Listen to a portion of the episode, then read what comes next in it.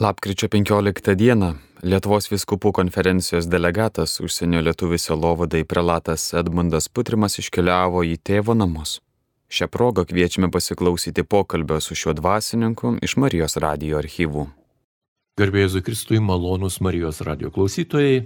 Šį kartą kviečiame pasiklausyti pokalbio, kuris tiesiogiai liečia užsienyje esančius lietuvius, tai užsienio lietuvių sielovados tema. Ir niekas geriau, žinoma, apie šią problemą, apie šią kasdienybę, apie šį rūpestį negalėtų papasakoti kaip Lietuvos viskupų konferencijos deleguotas prelatas kunigas Edmundas Putrimas. Taigi šiandien radio studijoje gerbiamas prelatas Edmundas Putrimas, o jį kalbina Liutauras Serapinas ir aš sveikinuosi su prelatu Garbėzui Kristui.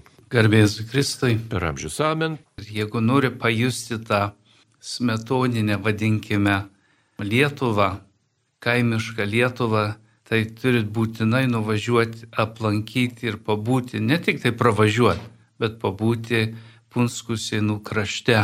Ten Vieni vadina Lenkiją Lenkais ir taip toliau. Be abejo, ten kai valstybė yra prie Lenkijos dabar, bet yra Jotvingių žemės ir ten lietuviai jau nuo senovių, senovės laikų jau gimė augę ant savo žemės. Bet e, mes kalbam apie dar dvi vietas, būtent Baltarusijoje, pasienėje Pelėsus ir gervai, gerviečių bažnyčių parapijos palei sieną.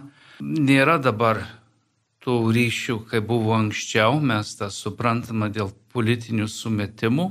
O dar viena vieta, kur tikrai mes labai dažnai pamirštame, tai yra Kaliningrado arba Karaliaučiaus ir Tilžys apylinkėse, kur lietuviai susibūrė ir meldžiasi. Ir um, labai yra sudėtinga, nebuvo galima iškviesti bet ką iš, iš to krašto dėl, vėl dėl politinių sumetimų. Tai čia yra mums įrodymas, kaip arti ta įtampa yra ir labai gaila. Ir kaip mes melžiamės, prašome Dievo, kad, kad kuo greičiau pasibaigtų ta, ta įtampa ir vėl ypatingai ir mūsų broliams, seserims, ukrainiečiams. Ir ne vienas įk per tą suvažiavimą buvo iškelta ta, tas rūpestis padėti paremti ukrainiečius ir e, katalikų bažnyčiai Ukrainoje. Toliau Latvija ir kaip ten Latvijai katalikai lietuviai yra susiorganizavę. Ir tada jau vakarų Europoje. Atsiprašau, aš gal tą žodį vakarų gal nenaudosiu daugiau. Kai augau, tai buvo labai įprasta sakyti rytų ir vakarų Europą, vakarų ir rytų Vokietija, bet jau pasibaigė tie pasidalinimai. Tai kad Europoje mes, jeigu apimam Europą, mes turime įskaityti ir Islandiją. Ir kas yra gražu, kad vienas dvasininkas, kunigas, vienuolis, argentinietis, kuris praleido šešerius metus Lietuvoje, išmoko labai gražiai kalbėti lietuviškai. Jis buvo perkeltas į Reikaviką, tai yra Islandijos sostinė. Ir jis, ir jis savanoriškai iš savęs apsėmė globoti lietuvius katalikus Islandijoje. Kiekvieną sekmadienį būna mišius lietuvių kalba dėkui jo paruošti pirmos komunijos kandidatus lietuviškai yra dėkui jo. Jo vardas yra kunigas Juan Carlos. Ir kunigas Juan Carlos ypatingai gražiai aptarnauja lietuvius Islandijoje. Dėkui jam. Kunigas Juozas Deveikis iš Melburno. Suprantam, kad Australija nėra dalis Europos, tačiau Jis buvo tuo metu Lietuvoje ir jis e, pasiprašė ir labai norėjo, norėjo dalyvauti. Kodėl? Vienas iš suvažiavimo tikslų tai yra suburti dvasininkus, įsikalbėti, pasikalbėti, nes e, mūsų pastoracinė tikslai ir strategijos yra, yra skirtingos nuo kitų etninių grupių užsienyje. Tai čia mus vienyje mūsų be abejo pašaukimas kunigystės brolystės, tas pašaukimas pabendrauti kartu broliškai, bet irgi mes esam lietuviai. Mes turim savo lietuviškas religinės tradicijas, kultūrą, kalbą, problemas ir specifiką. Tai kad um, kai suseinam kartu, labai yra malonu, kad galime progą įsikalbėti ir pasitarti ir vieni kitiems padėti ir paremti. Taigi tęsime laidą, kurioje šiandien dalyvauja Lietuvos viskupų konferencijos deleguotas prelatas Edmundas Putrimas, sielovados darbui užsienyje gyvenantiems ir dirbantiems lietuviams. Didžiulės kolonijos išvykusių lietuvių dėl uždarbio, dėl šeimos, dėl pasikeitusio gyvenimo ir sąlygų ir ko kito, žinoma, tos kolonijos Anglijoje, Vokietijoje, Ispanijoje, šiaurės šalise jos auga nuolat, vis daugėja ten lietuvių. Dvasininkai iš Anglijos, tai yra du kunigai, du Petrai. Klebonas Petras Tverijonas iš Telčių viskupijos ir kunigas Petras Gucevičius iš Vilniaus vyskupijos. Jie būdu aptarnauja lietuvius katalikus visoje Junktinėje karalystėje. Jie bazuojasi iš Šventų Kazimiero parapijos Londone. Tai yra vienintelė parapija, vienintelė lietuvių parapija Europoje. Mes turime tris svarbės institucijas Europoje Tai yra, pirmiausia, kaip minėjau, Švento Kazimiero parapija Londone, vasario 16-osios gimnazija Vokietijoje ir Švento Kazimiero kolegija Romoje. Dabar dėl Junktinės karalystės, kokia padėtis? Be abejo, Brexitas savo padarė. Reiškia, pagal kunigų, tai yra kunigų Petrų klebono Petro ir kunigo Petro pranešimus, iš Junktinės karalystės labai sumažėjo lietuvių. Dėl darbo, dėl infliacijos, nes iš vis gyvent Londone mieste yra labai brangu. O lietuviai, kurie atvažiuoja padirbti, nu jie imasi tokias sunkesnės juodas darbus, užsidirbi pinigėlių, gyvena grupės, kaip čia pavadinti, susibūrė draugai ir išnuomoja vieną butuką. Tai kad sąlygos, gyvenimo sąlygos yra netokios lengvos. Kita problema su Junktinės karalystės tai yra, anksčiau buvo trečias kunigas, kuris aptarnavo vidurinį Junktinę karalystę, The Midlands, vadinasi, kuris aptarnavo Birminghamą, Manchesterį, Liverpoolą. Tai, bet problema yra ta, kad finansiškai nepaėgi išlaikyti kunigą. Tai kad buvo jau laikas tam kunigui be abejo grįžti atgal į dirbti čia Lietuvoje. Sąlygus, darbų sąlygus, važiavimas, ilgus distancijos, daug reikia kur važiuoti, nes įsibarstė lietuviai, ne tik Anglijoje, bet ir, ir visur. Vokietijoje, Norvegijoje. Kraštai dideli. O algus, mokėjimas, tai lietuviai vos vos paėgė išlaikyti kapelioną. Tai kad čia irgi yra rimta problema. Toliau Vokietijoje mes turime vasario 16 gimnaziją, kuri kapelionas, o šiaurės Vokietijoje yra kunigas Vidas Vaitiekūnas, kurie aptarnauja šiaurinę Vokietiją, bet vėl žiūrėkit, kokios distancijos. Pavyzdžiui, kunigui Vidui Vaitiekūnui nuvažiuoti į vasario 16 gimnaziją tai yra virš 500 km į vieną pusę. Yra ilgus distancijos Norvegijoje. Mes turime tris kunigus, kurie vienas iš Vilnius arkiviskupijos, du iš Telšių viskupijos, kurie vienas iki mėnesį nuskrenda iš Lietuvos į Norvegiją aptarnauti lietuvius katalikus Norvegijoje. Bet apima kokias vėl distancijas. Vienas kunigas, man atrodo, ne tris ar keturis um, miestus turi apvažiuoti į vieną savaitgalį. Tai kad iššūkių yra nemažai. Visi dar prašausi, kad būtų kunigas kviečia kunigą, be abejo, ir kaip reikalinga yra kunigas aptarnauti bendruomenę, tačiau um, yra keletą kliūčių. Pirmas, tai yra, kad mes mažai turime dabar kunigų. Čia Lietuvoje. Nėra tas perteklius, kur anksčiau buvo prieš 30 metų. Antras, tai yra finansinis klausimas. Kas išlaikys kunigą? Tęsime pokalbį apie lietuvių sielovadą užsienyje ir šiandien studijoje vieši prelatas Edmundas Putrimas. Įkalbina Liutauras Serapinas ir norisi dar klausti. Šalia turime labai stiprią katalikišką bendruomenę ir valstybę Lenkiją. Kokia padėtis yra lietuvių Lenkijoje, jūs jau truputį minėjote, kalbėdamas apie Punsko kraštą, jį gražiai vardinamas kaip smetoninė Lietuva. Ar galėtumėte dar truputį papasakoti apie lietuvių reikalus Lenkijoje? Kokie jie? Ar viskas yra gerai su švietimu, su katecheze, su parapijų aptarnavimu? Jeigu galiu patikslinti, tai būtų padalinta į dvi dalis. Tai Punskus Seinų kraštas ir tada Lenkijos giluma. Punskus Seinų krašte tai yra trys parapijos.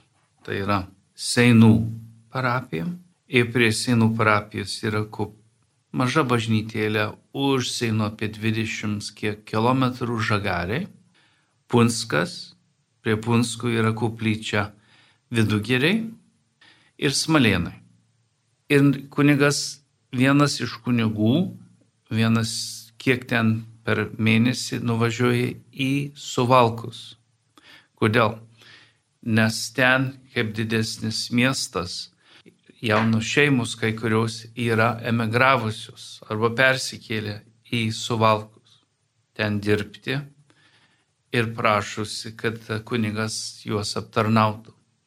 Anksčiau buvo Vratslove, tai yra prie Vokietijos sienos, kunigo Jutsevičiaus dėka, kuris dabar neperseniausiai iškeliavo amžinybėn. Ačiū jam už jo įdėtas pastangas aptarnauti lietuvius Vratslove ir visoje apylinkėje, ten vakarų Lenkijos pusėn. Ir anksčiau irgi buvo Varšuvoje mišius. Ir ten buvo vienas lietuvių kilmės vienuolis, gimęs Lenkijoje, kuris aptarnavo lietuvius. Ten dabar rečiau yra mišius atnašaujamus. O Punskų seinų krašte aš tik atkreipčiau dėmesį į, į pasuracinę veiklą, tai be abejo e, išlaikytos tos labai gražios tradicijos, giesmės, maldos, pavasarį, gegužės mėnesį, gėdamos lit, Marijos litanija, procesijos, nu tiesiog ten labai gražiai išlaikytos tos mūsų senovinės religinės tradicijas. Abu kunigai, kurie dalyvavo iš Seinų ir iš Punskų vikarai, pastebėjo ir minėjau, kad um, yra labai nukritę um, skaičius žmonių dėl emigracijos. Emigracijos reiškia arba persikėlę į Lietuvą gyvent, ypatingai studentai baigia ten Punskė gimnaziją, pavyzdžiui, ir tada persikėlė į Lietuvą studijuoti ir tada čia apsigyvena. Arba ne vienas yra persikėlęs gyventi užsienį. Vokietijoje, Čikagoje arba Toronte, Kanadoje. Bet kas yra gražu, kad iš Punskų senų kraštų kai vis tiek emigruoja, jie vis tiek išlaiko tas tradicijas ir tą lietuviškumą, ir tą pamaldumą, dalyvaudami parapinėme gyvenime. Tas yra labai aktualu ir tas yra pavyzdinga. Ačiū jiems. Dar norisi pasinaudoti progą ir paklausti jūsų gerbiamas prelatė. Jau minėjote katalikų padėtį Karaliaučiaus krašte. Dabar jis yra vadinamas Kaliningrado kraštu, jis priklauso Rusijos federacijai ir norisi paklausti, o kaip didžiojoje Rusijos federacijoje, didmeščiuose, Maskvoje, Sankt Peterburgė, lietuviškos bendruomenės, jas turbūt aptarnauja Lenkų kilmės kunigai. Taip, anksčiau atvažiuodavo kunigas iš Lietuvos, kunigas Gudelis iš Panevežių vyskupijos kuris atlikdavo labai didelį gražią misiją darbą tenais, ypatingai Maskvoje ir net ir, ir St. Petersburgė. Tačiau įtampa dabar vėl, grįžtam prie tos politinės įtampos, kuri viską sustabdė. Ir mes turime dabar remtis vietiniais kunigais, kurie galėtų, kurie yra prašomi aptarnauti lietuvius katalikus Rusijoje ir Sibire. Dar sėk mes turime tą paimti tą kraštą, padalinti į dvi dalis. Tai yra Sibiro kraštas, kur ne vienas buvus iš tremtinių ir jų šeimos paligoniai yra likę. Ir tada Maskvos, St. Petersburgo ir Murmansko apylinkė, kur yra likę lietuviai. Mažus bendruomenės likusios, o tie, kurie yra a, iš Lietuvos emigravę, tai dėl vedybų vienas iš, iš vyras, moteris, kur apsivedė su Rusu, Rusija, persikėlė į Rusiją gyventi. Kunigams karo sąlygomis dirbti yra dar pavojingiau, dar sunkiau. Ar jūs aptarėte tas temas, kurios paliečia netektis? Kunigai pasaulyje yra žudomi, persekiojami. Mes girdime iš Vatikano news, naujienų arba Vatikano žinių nuolat apie sunaikintus, nužudytus, persekiotus ar kaip kitaip kankinamus kunigus. Kokia padėtis yra? Kodėl kunigai išsivyščiusio pasaulio, demokratinio pasaulio sąlygomis yra žudomi? Jūsų išvalga. Pirmiausiai turime suprasti, netikėjimas draskų žmonės, bet yra supolitizuotas tikėjimas Jeigu aš paimu religiją ir ją savanaudiškai interpretuoju, tai čia yra rimta problema. Ir va, prie ko mes vedamus ardo, drasko, kad tiesiog negali tada iš to, iš to draskimo atpažinti, kur tas Kristus, jeigu tai yra daroma vardan Dievo tėvo ir sunaus ir šventosios dvasios. Mes negalime pamiršti, kad e, jau net nuo paskutinės vakarienės stalo, kas draskė paštalą, abejonės, išdavystė, ir toliau tas tęsiasi.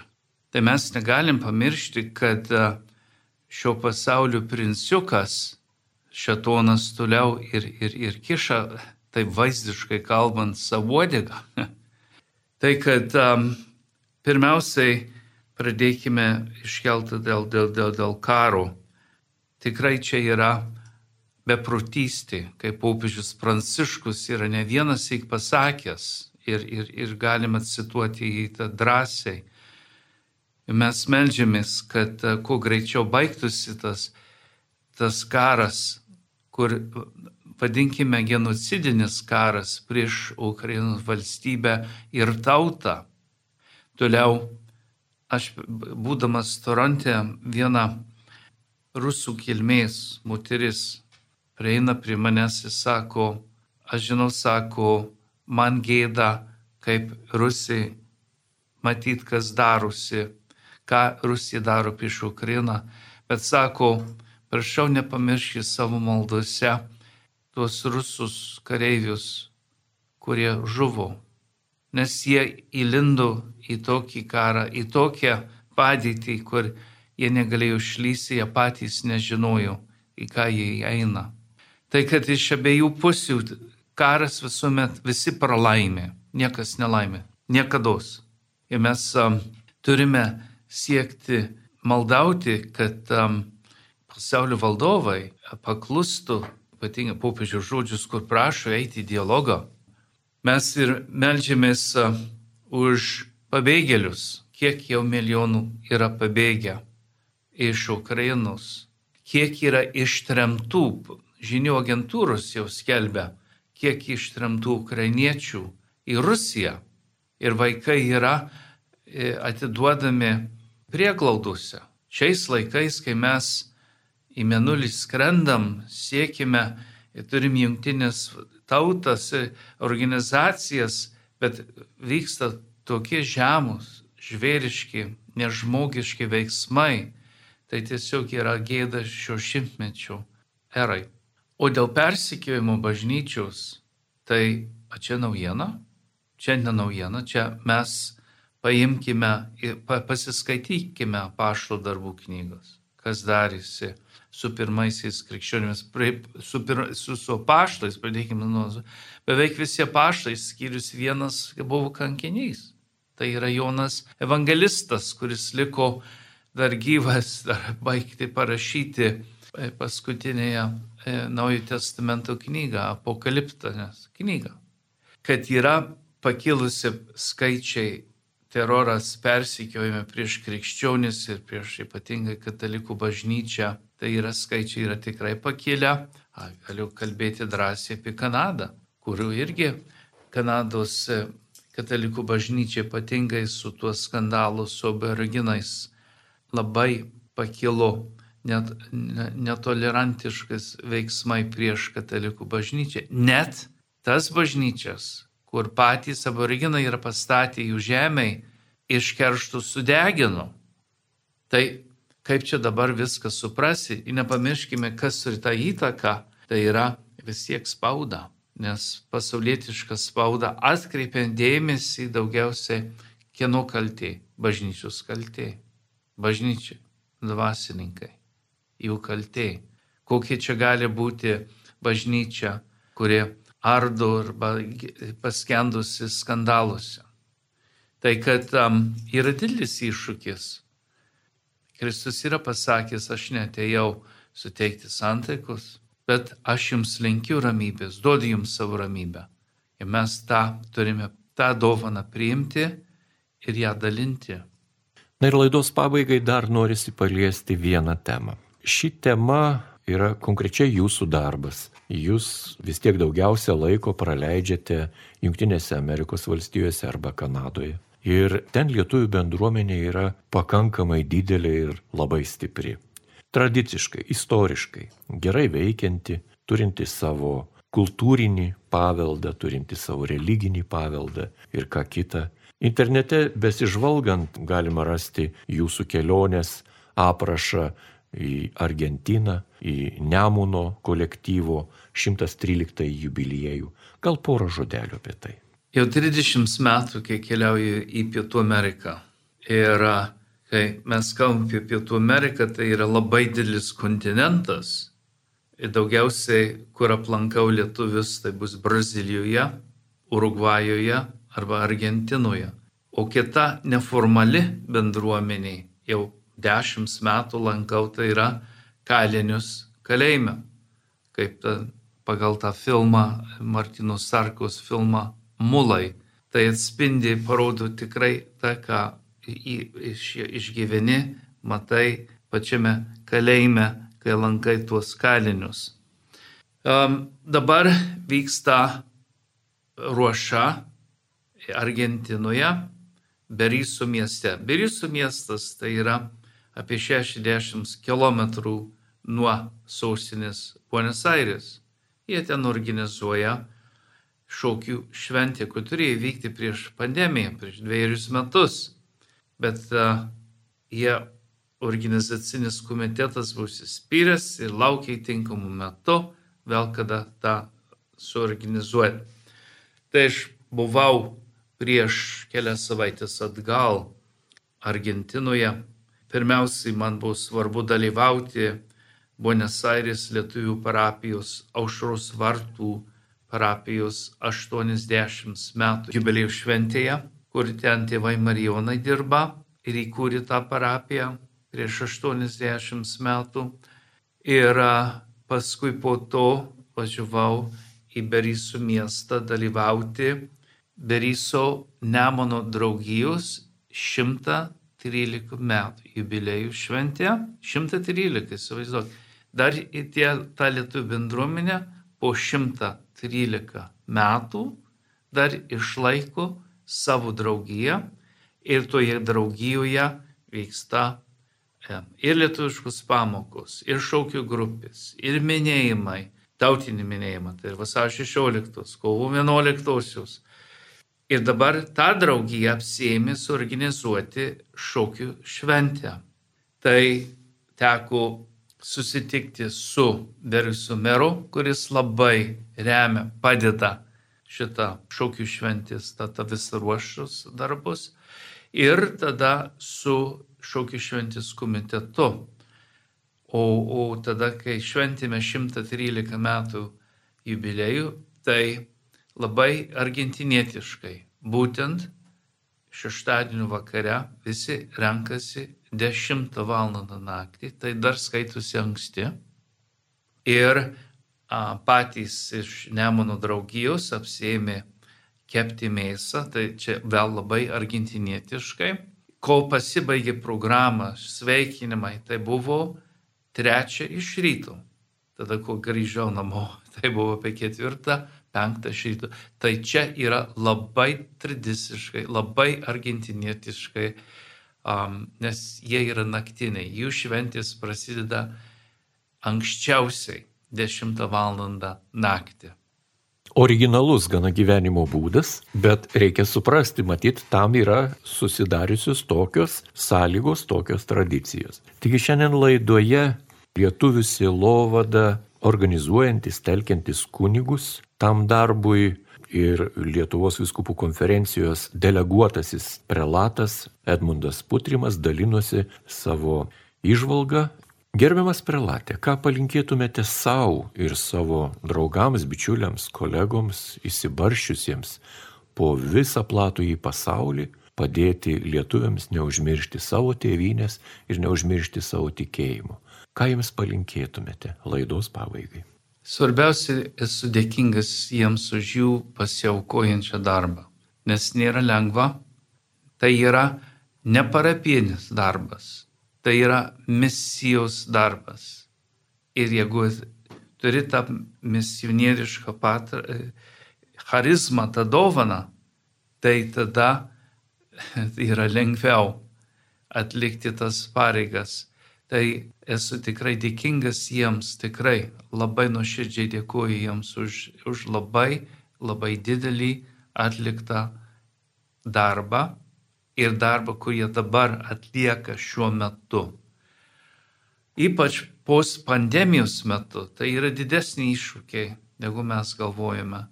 Tai dar dvigubą padėką jiems. O šiaip jūs, kur, mėly klausytojai, dauguma iš jūsų turite giminių, artimųjų, kurie gyvena užsienyje, tai skatinkite sužinoti, kur yra ir kada būna mišios. Viskas dabar yra prieinama internetiniu būdu. Informacijos toka negali būti. Tai kad raginkite vaikus, jūsų anūkai vaikai eitų į lietuviškas mokyklas, parsiveškite juos į Lietuvą vasarų stovykloms, praleiskit laikus su jais, kad jie nepamirštų savo lietuvių kalbą. Lietuvių kalbos mokymas kaip yra svarbu, kalba mus vienyje ir įprasmina aš galiu matyti Pietų Amerikoje, tie visi, kurie vadavo po 113 metų, kas vadovauja lietuvių bendruomeniai, tai tie, kurie buvę vasario 16 gimnazijoje arba tie, kurie studijavo lietuvių kalbą čia Lietuvoje, įsipumpavo tos lietuviškos dvasius, vadinkime, ir jie supranta, ko, ko, kas, kokie yra vadovavimo tikslai. Tai kad jie yra lyderiai tos bendruomenės. Tai ačiū ir, ir, ir um, Lietuvo švietimo ministerijai, ačiū Lietuvių fondai, ačiū Lietuvių katalikų religiniai šalpai New York'e, ačiū bendruomenėms, kurie remia, kur padeda um, atgabenti, atvežti, priimti lietuvius iš užsienio jaunimą, kad jie suformuotų savo tapatybę ir jie tada tampa bendruomenės lyderiais. Dėkojame Jums, gerbiamas pralatė Edmundai, už šią valandėlę sugaištą Marijos radio eteryje, informuojant Lietuvos ir viso pasaulio katalikus lietuvius apie tai, kuo gyvena katalikų bažnyčia. Taigi dėkojame Jums už laidą, o pabaigai noriu priminti, jog šiandien Marijos radio studijoje svečiavosi Lietuvos viskupų konferencijos delegatas Silovadai lietuvių užsienyje, prelatas Edmundas Putrimas iš Kanados, iš Toronto. Jam klausimus uždavė Liutauras Serapinas, linkėdamas ir jums, radio klausytojai, toliau likti su Marijos radiju. Lapkričio 15 dieną Lietuvos viskupų konferencijos delegatas užsienio lietuvių selovadai prelatas Edmundas Putrimas iškeliavo į tėvo namus. Šią progą klausėmės pokalbio su šiuo dvasininku iš Marijos radio archyvų. Amžinai atilsi duok mirusiam viešpatiem.